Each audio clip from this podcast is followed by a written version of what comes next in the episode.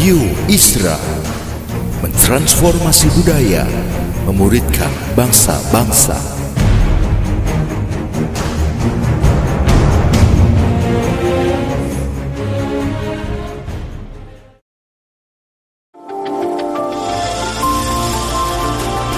Voice of Pradaim menyuarakan paradigma kebenaran firman Tuhan yang esensi untuk memperlengkapi Anda menggenapi misi dan panggilan ilahi. Selamat mendengarkan.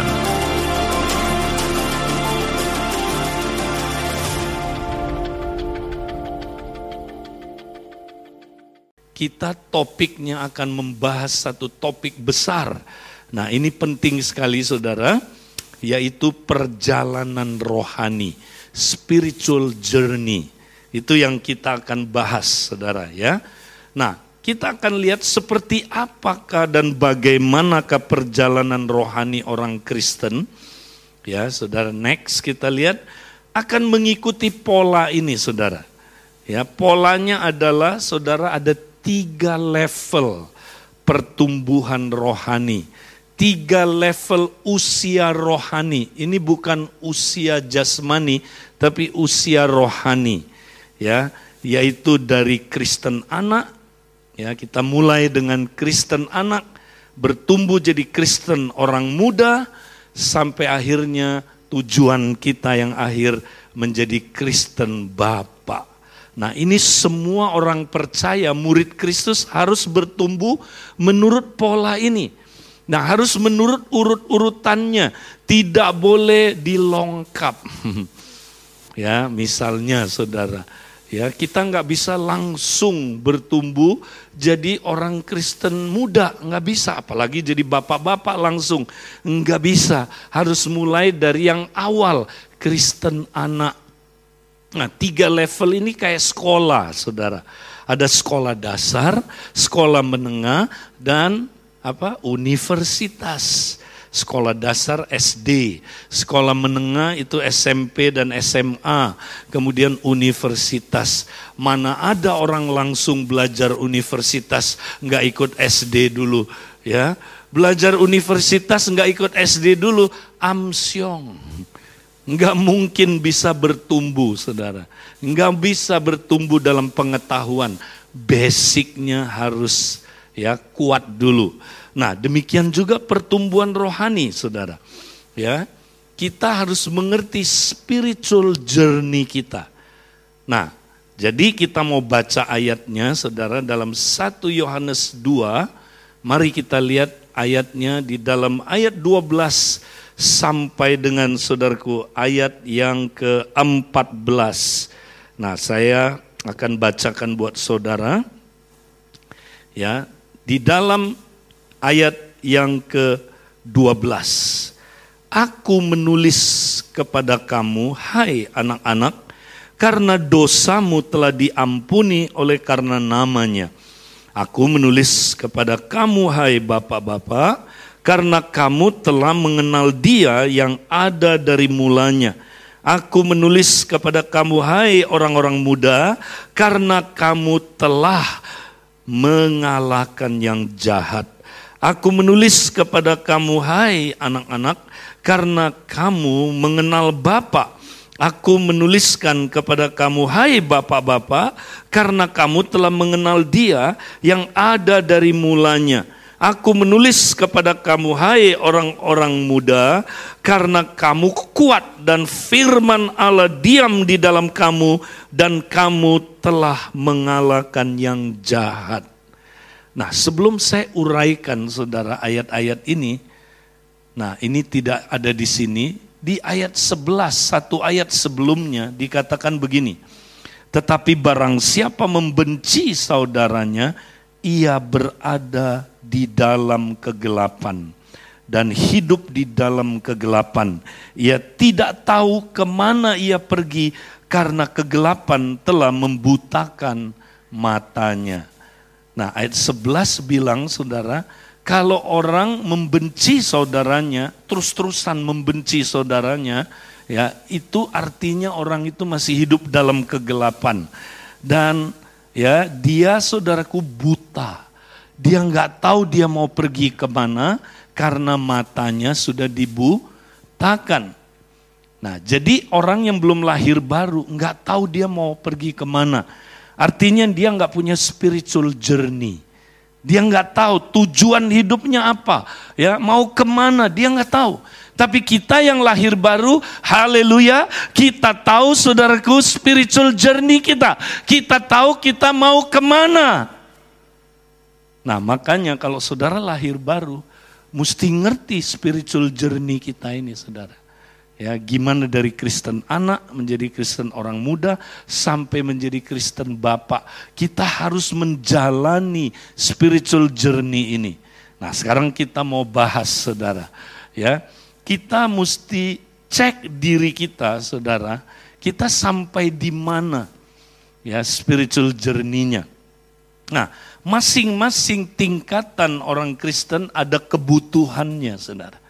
Ya, Nah, kalau kebutuhan ini tidak dipenuhi, maka orang itu tidak normal, sakit, ya, atau istilah ilmiahnya malnutrisi, ya, tidak cukup nutrisi. Pernah lihat orang yang nggak cukup nutrisi, saudara? Kalau anak-anak kembung, kalau nggak nggak makan saudaraku dengan protein, dengan lemak yang baik ya saudara, maka saudara dia apa malnutrisi. Dia kena penyakit kembung ya. Nah saudara-saudara demikian juga secara rohani. Kita perlu mengadakan check up rohani saudara ya. Kita sering mengadakan check up jasmani ya. Wah setahun berapa kali tapi check up rohaninya nggak pernah diadakan. Makanya banyak orang Kristen nggak bertumbuh, saudara. Karena dia nggak pernah check up. Nah hari ini salah satu check upnya saudara. Mari kita check up, kita sehat nggak pertumbuhannya.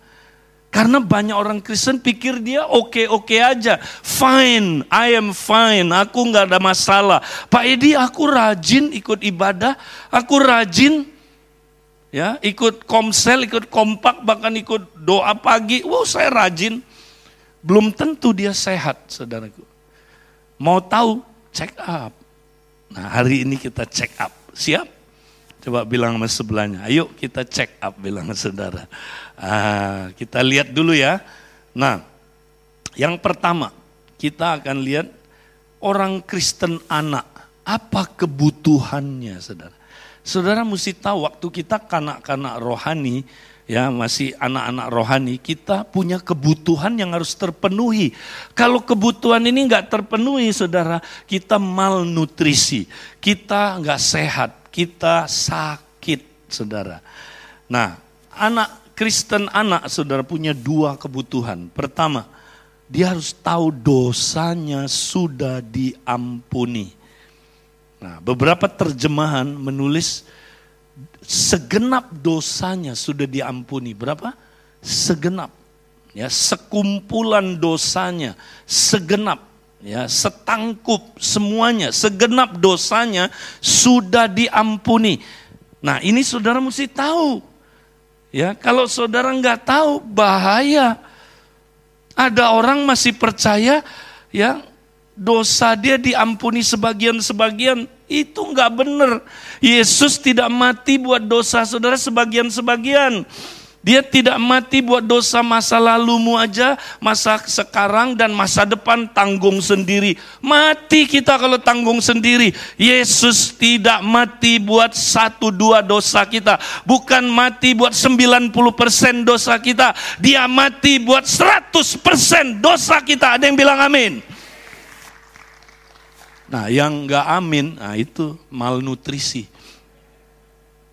Itu dia nggak ngerti, itu nggak sehat orang itu, saudara. Dia mati buat segenap dosa kita, saudara. Percaya nggak? Oh masa? Nah, yang masa malnutrisi. Nah makanya mesti check up, saudara. Kita percaya nggak? Segenap dosa kita sudah diampuni. Berarti, saudara, kita menjadi orang benar. Ya. Nah, orang benar adalah orang yang semua dosanya udah diampuni, Makanya dia bisa jadi orang benar. Ya, dia nggak perlu berusaha untuk jadi benar, tapi dia dikaruniai kebenaran karena udah diampuni semua dosanya. Maka peng dia jadi orang benar. Baru setelah jadi orang benar, dia berlaku benar. Jangan terbalik. Kita bukan berlaku benar supaya jadi orang benar. Kita sudah dikaruniakan kebenaran. Baru kita berlaku benar. Ada yang bilang amin. Nah, aminnya kenceng itu bagian dari ibadah. Amin. ya saudara, semangat Ya kalau dengar khotbah, amin, yes. Gitu, jangan. Ya, ah, wajah malnutrisi, amin. ya, saudara kita mesti semangat, haleluya. Ya, nah, bukan hanya kita sudah dibenarkan, saudara, kita akan yakin akan keselamatan kita, saudara. Yakin, ya. Kalau ditanya, kamu kalau mati gimana? Pasti selamat nggak? Ya mudah-mudahan Pak Edi. Ih nggak ada bedanya dia sama orang seberang. Mudah-mudahan. Ya semoga lah Pak Edi selamat, semoga. Di dalam Kristus tidak ada semoga. Karena semoga artinya semua mogok dan gagal kecuali Yesus Kristus satu-satunya Tuhan dan juru selamat kita beri tepuk tangan untuk dia saudaraku haleluya jadi nggak ada mudah-mudahan nggak ada semoga pasti selamat nah sekarang siapa yang bilang saudara selamat nah ini dia siapa yang bilang ya nanti kita belajar minggu depan saudara lebih jelas lagi ya Siapa yang bilang saudara selamat? Kata fasel saya, saya selamat. Enak aja kata orang. Ya, Orang yang benar-benar selamat, dia tahu di sini saudara. 1 Yohanes 5 ayat 13 nanti baca. Orang Kristen bisa tahu dia telah menerima hidup kekal. Berarti orang Kristen bisa punya keyakinan dia selamat. Ya walaupun itu progres nanti ya kita makin yakin makin yakin. Tapi kita punya keyakinan dasar dulu saudara. Kita pasti selamat. Nah ini penting ini orang Kristen anak mesti ngalamin sampai di situ. Yang kedua kebutuhannya apa saudara? Dia mengenal Bapak. Nah mengenal di sini bukan hanya tahu. Tahu siapa Bapak kamu? Tahu. Bapak di surga. Pernah ngalamin? Enggak. Nah, mengenal di sini bukan gnosis, pengetahuan otak, tapi benar-benar ya punya pengalaman dengan Bapak. Ya, ginosko, Saudara. Ya, mengenal Bapak. Nah, artinya apa, Saudara? Kalau engkau mengenal Bapak, maka terjadilah kelahiran baru. Ya, makanya saudaraku orang Kristen yang sungguh-sungguh ya yang tadi itu saudaraku dia mengenal Bapak maka dia saudaraku anaknya Bapak berarti dia lahir baru dia jadi anak nah ada orang gak jelas dia lahir baru apa enggak. Dia nggak tahu. Saya lahir baru nggak ya Pak ya? Nggak tahu. Siapa yang bilang kamu lahir baru? Ya katanya begitu Pak. Ya katanya. Tapi kalau orang lahir baru, saudara, ada suara Roh Kudus ngomong. Ya, Roh Kudus ngomong, inilah ya dia bersaksi bahwa kita adalah anak-anak Allah. Ada yang bilang amin? Dia bersaksi di sini. Kita tahu kita lahir baru, saudara. Nah nanti minggu-minggu yang akan datang kita banyak membahas ini, saudara. Ya, nah ini kita check up dulu. Kemudian apa, saudara? kita tahu identitas kita. Kalau kita kenal Bapak berarti kita tahu kita anak. Amin.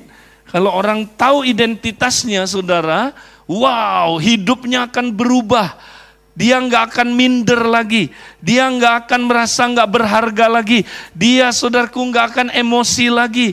Ya dia nggak akan marah-marah lagi. Tahu kenapa banyak orang marah-marah problem emosi? Karena nggak tahu siapa dirinya. Coba lihat kalau orang marah, saudara. Lu kira gua siapa? Enak aja lu. Gua siapa? Ayo, gua siapa? Saudara bilang, Bapak aja nggak tahu Bapak siapa. Bapak nggak tahu diri ya. ya, saudara. Coba lihat kiri kanan, ada wajah nggak tahu diri nggak, saudara? Nah, orang yang saudaraku suka marah-marah tersinggung ya, saudara sedikit aja saudaraku di di apa saudaraku dikata-katain langsung hidung sama bibir balapan. Hmm, lu kira gua siapa tau nggak? Nah, itu nggak tahu diri. Ya, banyak orang nggak tahu diri. Jadi yang banyak problem emosi, minder saudaraku, ya penuh dengan ketakutan, penuh dengan macam-macam hal, itu karena nggak ngerti identitasnya. Nah, gimana kita dapat identitas?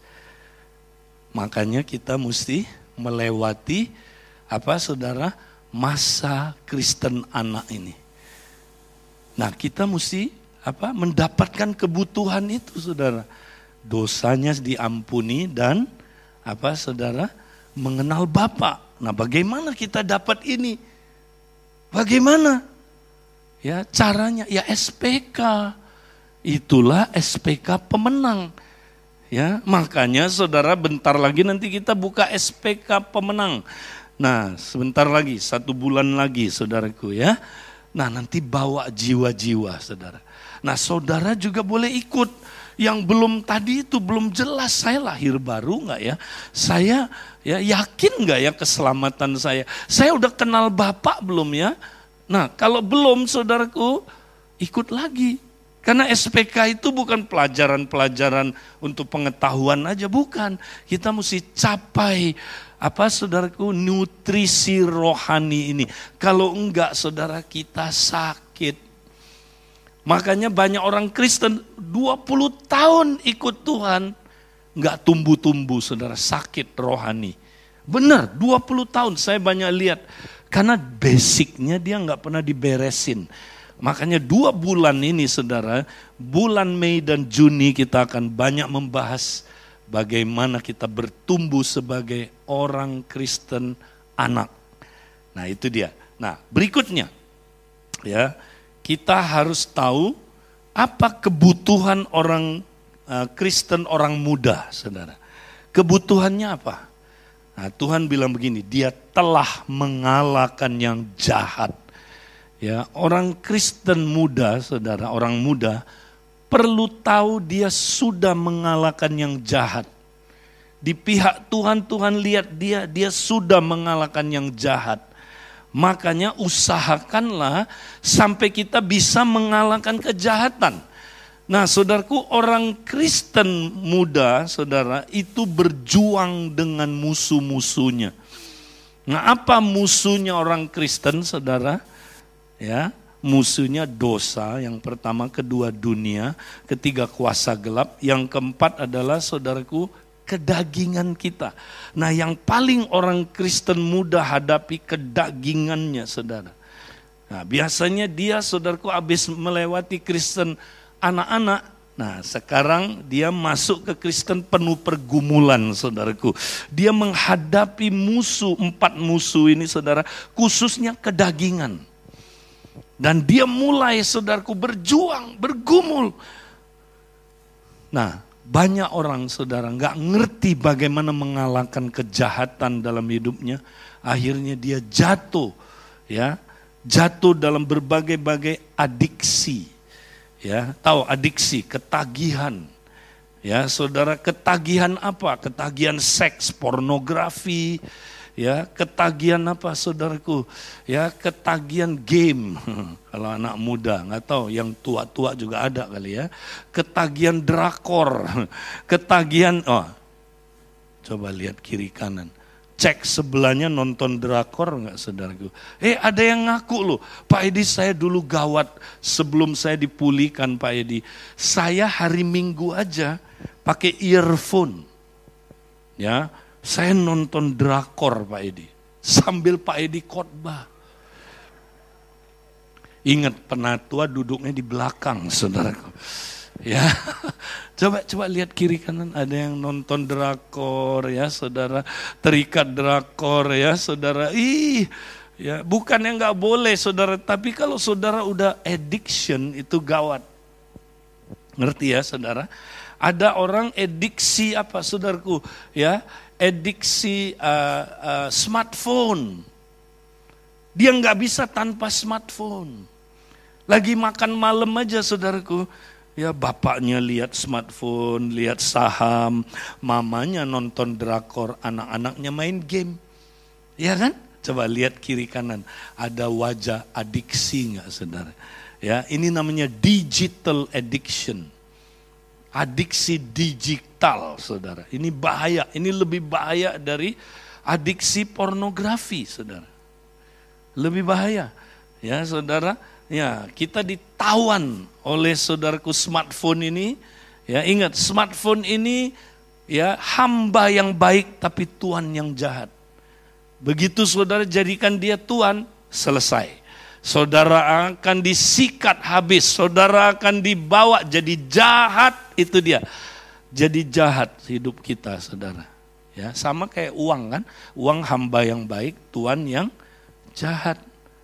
Ya, kalau kita jadikan dia Tuhan, habis kita, saudara. Kita jahat. Ya, makanya orang yang cinta uang, nah itu salah satunya, saudara. Ya, orang Kristen muda bergumul dengan cinta uang ini, saudara. Ya, pokoknya dia bergumul dengan kejahatan. Nah, gimana supaya bisa menang? Nah, gimana caranya? Dia bilang gini, kamu kuat dan firman berdiam di dalam kamu. Baru kamu bisa kalahkan yang jahat.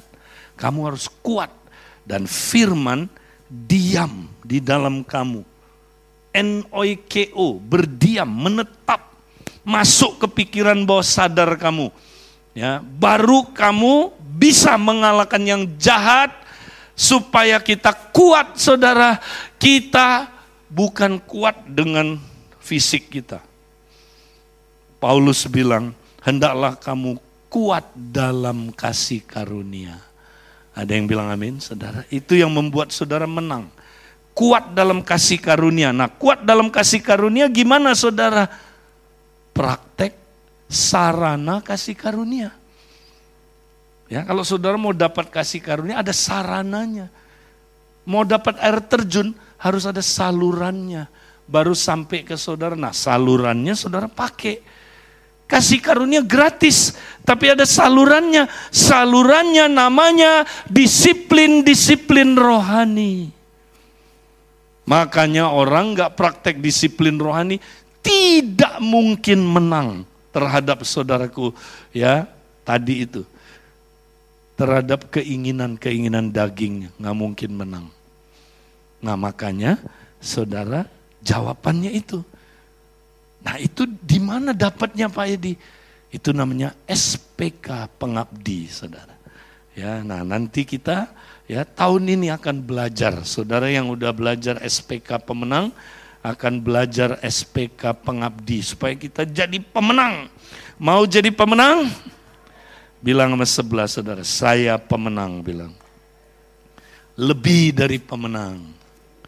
Amin, haleluya. Nah, kemudian sedikit kita lihat Kristen Bapak. Saya nggak bahas banyak ini, ya. Nah, saudara Kristen Bapak itu ciri-cirinya dia tentu dewasa rohani, ya, karena dia udah mengenal Allah dari mulanya. Dia lebih banyak pengalaman dengan Bapak di surga, ya, eh, dengan Allah, sorry, ya. Berarti dia mengenal maksud abadi Allah. Dia tahu visi dan dia adalah orang yang siap membapai, saudara. Jadi kebutuhan orang Kristen Bapak adalah dia harus membapai. Kalau dia tidak membapai, saudara, dia akan kosong. Ya, dia akan saudaraku merasa kayak hidup itu nggak betah. Dia ada di gereja nanti nggak betah. Karena dia disuruh kuai-kuai, sit down and listen. Duduk baik-baik dengerin. Ya, 4D itu, ingat saudara, eh 5 ya. Datang, duduk, dengar, ya terus diam duit ah Pak Cahyo mengingatkan ya terus apalagi habis duit Hah? dada oke wah Pak Iwan bilang dada ya gimana kalau dungu ya kan? Ada orang jadi bodoh saudaraku karena kita ya hanya datang saudaraku 5D itu ya. Nah saudara saya berharap kita nggak begitu. Ada yang bilang amin? Ya kita mau saudaraku jadi bapak. Saudara yang sudah dewasa mulai rohaninya. Saudara harus membapai, mementor orang. Ya, saudara harus apa? Saudaraku mengequip orang. Baru saudara akan bertumbuh. Nah, sekarang kita lihat ya konsep perjalanan rohaninya seperti apa? Next, kita lihat gambarnya. Ya, gambarnya seperti ini, Saudara. Bukan linear tapi spiral dan mosaik. Perjalanan rohani kita bukan kayak naik tangga. Kalau naik tangga itu apa? Linear. Tahu linear, Saudara? Dari step A saya ke step B. Maka saya meninggalkan step A. Setuju? Saya naik lagi ke step C, berarti saya tinggalkan A dan B. Bukan begitu. Ya saudara, jadi perjalanan rohani kita bukan linear, satu arah sekali tempuh. Saya udah ikut SPK, bye-bye. Saya nggak level lagi SPK pemenang. Saya lagi level next, ini nggak perlu lagi. Oh nggak gitu saudara. Perjalanannya bukan linear perjalanannya spiral. Spiral itu ulang, repetisi tapi makin tinggi. Ya, makanya saudara yang udah ikut SPK jangan merasa, oh nggak level, saya nggak level Pak Edi. Ya, uh itu mah, uh kanak-kanak itu saya udah lewat. Ya, pertanyaannya udah mencapai belum? Ya, goal-goalnya tiap pelajaran itu belum, ya mesti ulang lagi. Saudara pengulangan ya bukan apa saudara udah selesai programnya bukan pengulangan. Nah nanti kita waktu bina jiwa kita ulang lagi saudaraku. Sistem kita penuh dengan pengulangan. Ya, kalau saudara ikut yang benar saudara, SPK dahsyat. Karena penuh dengan pengulangan. Dengar khotbah sekali, sharing di kompak dua kali dengar saat teduh tiap minggu saudaraku itu ada tujuh topik. Topik yang sama dilihat dari berbagai sisi. Berarti berapa kali? Sembilan kali dengar. Dengar saudaraku, mentor rohani saya ya Bapak Rafni berbilang, it needs six to stick. Perlu enam kali dengar baru nempel. Saudara, pertama kali kita dengar belum nempel. Kedua kali mulai, ih Ya pertama malah nentang kebanyakan. Kedua saudara, wih bagus juga ini. Ketiga, wah ini penting ini. Keempat, wih kayaknya saya perlu ini. Kelima, wow saya mau taat. Keenam, ambil keputusan taat saudara. Nangkep? Kenapa banyak orang Kristen gak jadi pelaku firman? Tahu saudara. Yakobus 1 baca. Ya nanti dibilang gini, karena orang yang hanya mendengar dan tidak melakukan, dia seumpama orang yang melihat cermin hanya sebentar. Satu dua kali aja lihat cermin. Dan kemudian dia pergi melupakannya. Nah ini. Saudara, orang nggak bisa jadi pelaku firman kalau dengar sekali, nggak bisa. Makanya perlu pengulangan, ya, ulang lagi, dengar lagi, dengar lagi. Kalau sekali belum bisa jadi pelaku, saudara. Ya, jadi dengar lagi. Kalau bercermin itu firman, cermin itu. Sekali lihat nggak cukup, lihat kedua kali, ketiga kali, keempat. Nah kita makanya modelnya pengulangan saudara SPK kita. Sampai sembilan kali dalam minggu itu kita dengar. Ya, Terus kalau udah selesai pun jangan bosan, ikut lagi. Ya, karena SPK itu makanan pokok Ya, makanan pokok saudara itu perlu ulang-ulang. Ya, makanan suplemen nggak perlu diulang, yaitu ya saudara tergantung kebutuhan. Betul? Kalau karbohidrat, apalagi saudaraku lemak dan protein kan mesti diulang. Ya, ada saudara yang nggak mau ulang itu, bosan hidup. Ya, coba ah besok saya males ah makan, males makanan pokok saya nggak mau mati. Kalau kita nggak makan terus, nggak ulang terus, mesti ulang. Ya, nah makanya saudara, ayo kita semangat saudaraku. Ya, kita mau saudara mengikuti perjalanan spiral. Baru kita tumbuh. Nah sekarang yang terakhir kita lihat bagaimana cara bertumbuh dalam perjalanan rohani, saudara. Caranya bagaimana? Ada dua hal yang saudara perlu miliki. Pertama, ya, saudara harus berjalan bersama kompak. Ingat, perjalanan kita, saudara, dalam perjalanan rohani itu adalah perjalanan bersama. Enggak bisa sendirian. Sendirian nggak akan nyampe, saudara. Kayak naik gunung, kita naik gunung kalau sendirian bahaya, saudara. Betul?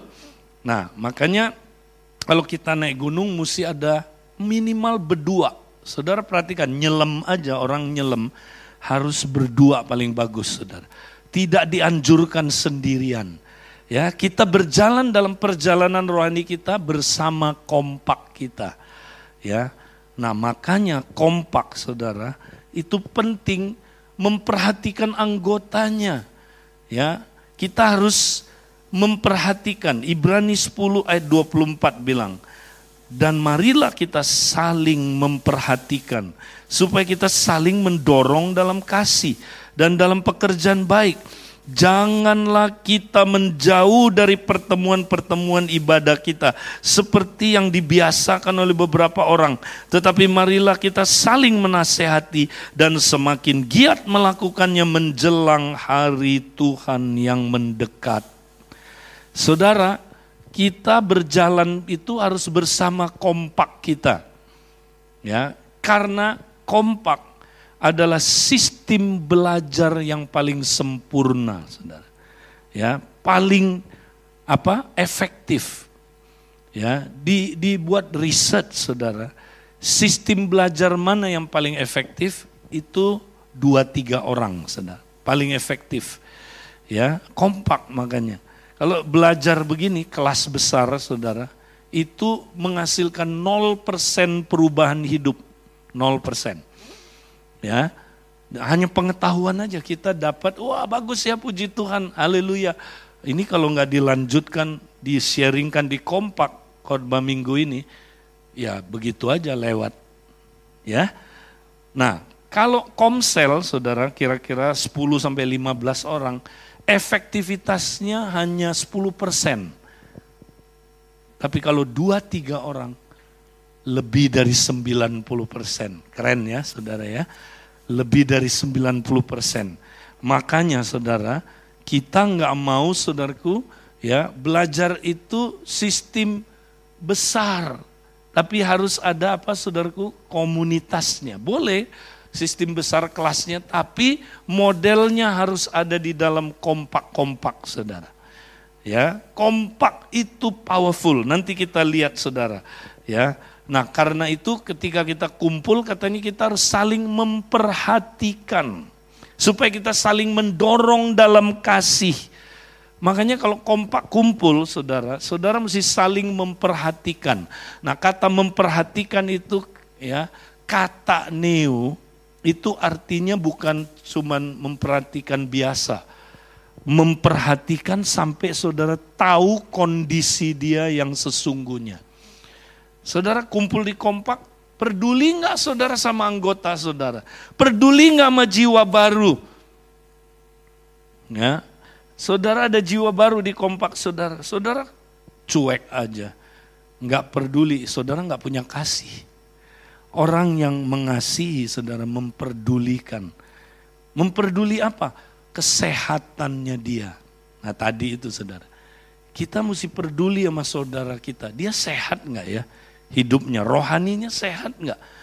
Wah, dia nggak sehat ini. Kita have to do something. Ya saudaraku, ini anak Kristen orang muda, eh Kristen anak-anak nggak pernah diberi susu. Bayi nggak pernah diberi susu, nggak pernah diberi SPK, mati dia nanti lama-lama. Kita harus peduli tiap kali ketemu saudara. Dan jawab kebutuhan itu, makanya saling menasehati, ya saling mengajar secara profetik. Penuhi kebutuhan dia saudara, supaya dia nggak sakit. Nah ini kompak saudara. Nah langkah yang kedua, yang terakhir saudara. Ya apa yang kita perlu miliki supaya kita bisa bertumbuh? Kita perlu diperlengkapi, saudara. Saya singkat aja jelaskan. Pertama kita harus diperlengkapi oleh firman. Ingat, ya saudara, semua equipping kita itu firman yang disampaikan.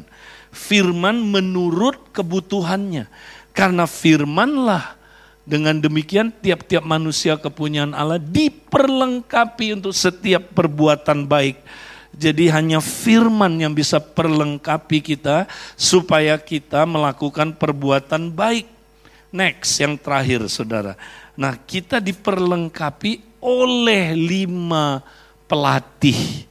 Lima pelayanan saudaraku, lima pelatih ya pelatih apostolik, pelatih apa saudaraku uh, profetik, pelatih pastoral, pelatih pengajaran dan pelatih apa saudaraku penginjilan. Ya, nah ini pelatih-pelatih ini berguna melatih kita supaya kita bertumbuh dewasa sampai akhirnya mencapai kepenuhan Kristus, mencapai keserupaan dengan Kristus. Harus ada lima pelayanan. Makanya saudaraku kita selesai ibadah jangan pulang dulu saudara. Ya, nanti kita akan ada banyak equipping-equipping di hari Minggu Ya, saudara nanti bisa dapat equipping apa? Soal keuangan, soal keluarga. Aduh Pak Edi saya masih nggak ngerti didik anak itu gimana. Kita ada equippingnya, saudara ikuti. Tanpa equipping nggak bisa kita bertumbuh mencapai kesurupan dengan Kristus, nggak bisa. Ya, ya. Equipping apa lagi? Saudaraku banyak. Nah, yang kita akan buka nanti equipping yang pertama adalah equipping kompak untuk gimana menangin jiwa dan saudaraku ya memuridkan jiwa dan menghasilkan kompak baru. Nah, ini kita akan buka nanti tanggal 12 Juni, Saudara. Makanya siap-siap. Ya, kompak-kompak yang belum pernah memenangkan jiwa siap. Ya, satu bulan ini kita siap. Kita akan saudaraku ya siap untuk bawa jiwa langsung praktek kita ya SPK kan dia saudara. Latihan langsung. Jadi bukan apa saudara, ya bukan teori-teori, langsung kita praktek. Menangin jiwa, muridkan. ya Multi kompak kita, rintis komunitas kerajaan. Itu saudara. Ya, kita hari Minggu ibadah bukan sekedar haleluya, ah, adem deh, udah tenang, udah ibadah Ya, enggak gitu gereja mula-mula ibadah diperlengkapi dengan apa saudaraku pengajaran rasul-rasul supaya mereka mampu memuridkan orang lain. Itu gereja yang benar, Saudara. Saudara mau jadi gereja yang demikian? Bilang sama sebelahnya, saya mau diperlengkapi. Amin. Nah, saya minta teman-teman bisa uh, maju ke depan. Nah, Saudara, sebagai penutupnya, saya mau kasih sebuah ilustrasi yang saya pikir sangat powerful, saudara.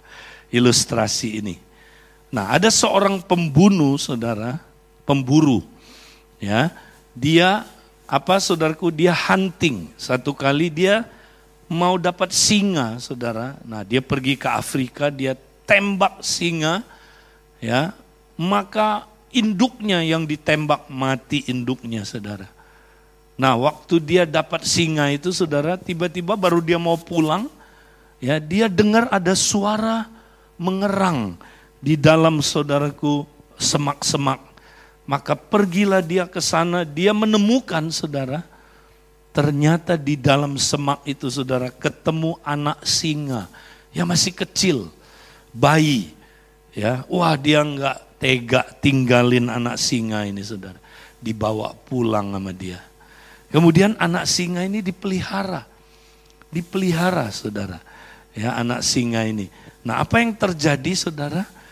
Anak singa ini dikasih makan ya sampai bertahun-tahun. Kira-kira sampai saudaraku kira-kira lima tahun dia piara singa ini saudara. Ya, Nah satu kali saudara dia berpikir kesiannya singa ini ya. Aduh dipiara di sini, udah deh saya mau lepaskan singa ini kembali ke habitatnya. Maka dia bawa saudaraku singa ini dilepaskan ke tempat persis waktu dia ditemukan. Ya, saya mau tanya saudara, singa ini hidup enggak? Hah? Bisa hidup? Nah, kalau saudara ya tahu ilmu biologi enggak hidup saudaraku. Singa ini akhirnya mati. Kenapa? Enggak bisa cari makan karena dia enggak pernah terlatih untuk cari makan sendiri. Dia nggak pernah terlatih untuk kejar mangsanya. Mangsanya apa aja dia nggak tahu. Wong dia dari kecil cuma dikasih makan, saudaraku. Nah akhirnya saudara dia mati. Kenapa? Kurang apa singa ini sampai dia mati? Ada yang tahu nggak? Kurang ajar. kurang diajar, saudaraku. Singa ternyata, saudara lihat gambarnya, saudara. Singa ternyata nggak bisa belajar sendiri, saudara. Nggak bisa. Singa itu ya belajar dari kakaknya yang lebih tua. Kakaknya belajar dari bapak ibunya, saudaraku. Dia harus belajar dari singa yang udah duluan ya belajar. Karena singa belajar dari dengan cara meniru, dengan meniru. Ya, dia kalau nggak ada model, dia nggak bisa, saudaraku belajar. Jadi dia nggak kalau ditaruh sendirian di kandang dia mati lama-lama saudaraku. Ya nggak bisa cari apa saudaraku cari mangsa. Karena dia nggak ada yang ngajarin. Nggak ada pemuritan. Pemuritan itu ternyata adalah modeling. Makanya kalau saudara nggak ada di kompak sorry Nggak bisa jadi murid Kristus. Kompak itulah komunitas singa ini. Lihat gambarnya. Sekali lagi saudara tunjukin nih.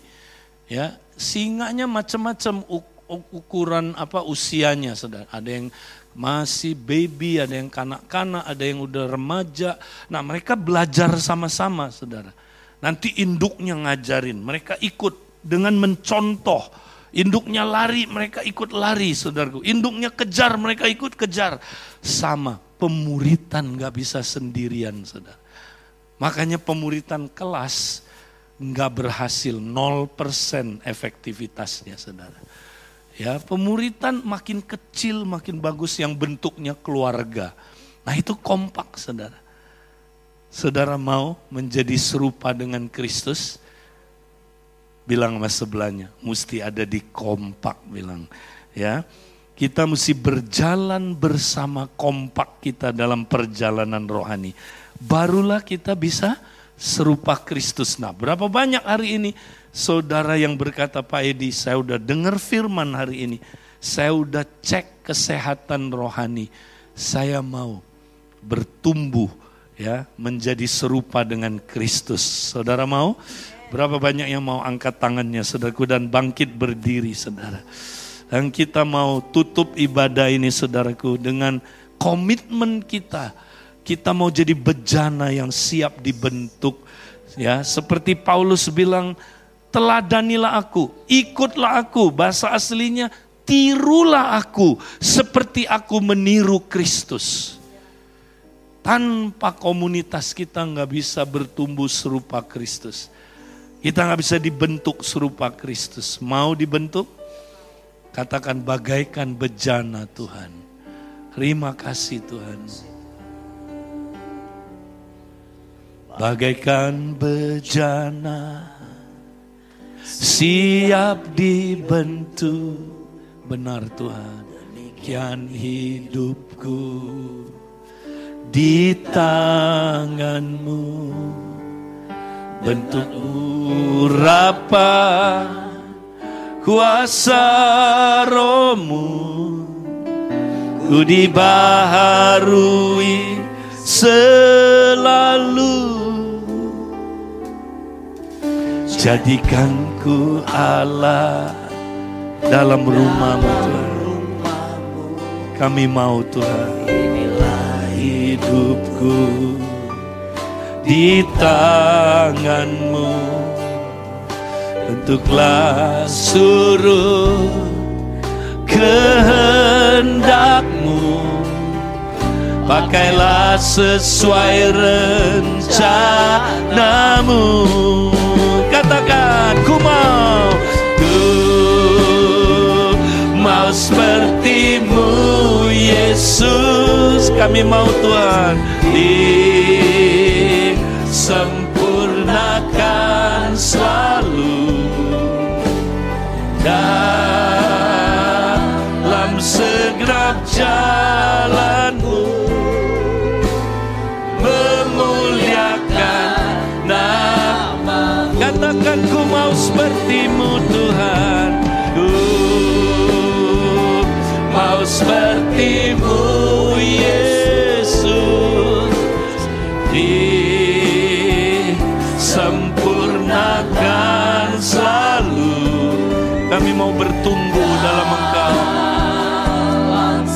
Segenap jalanmu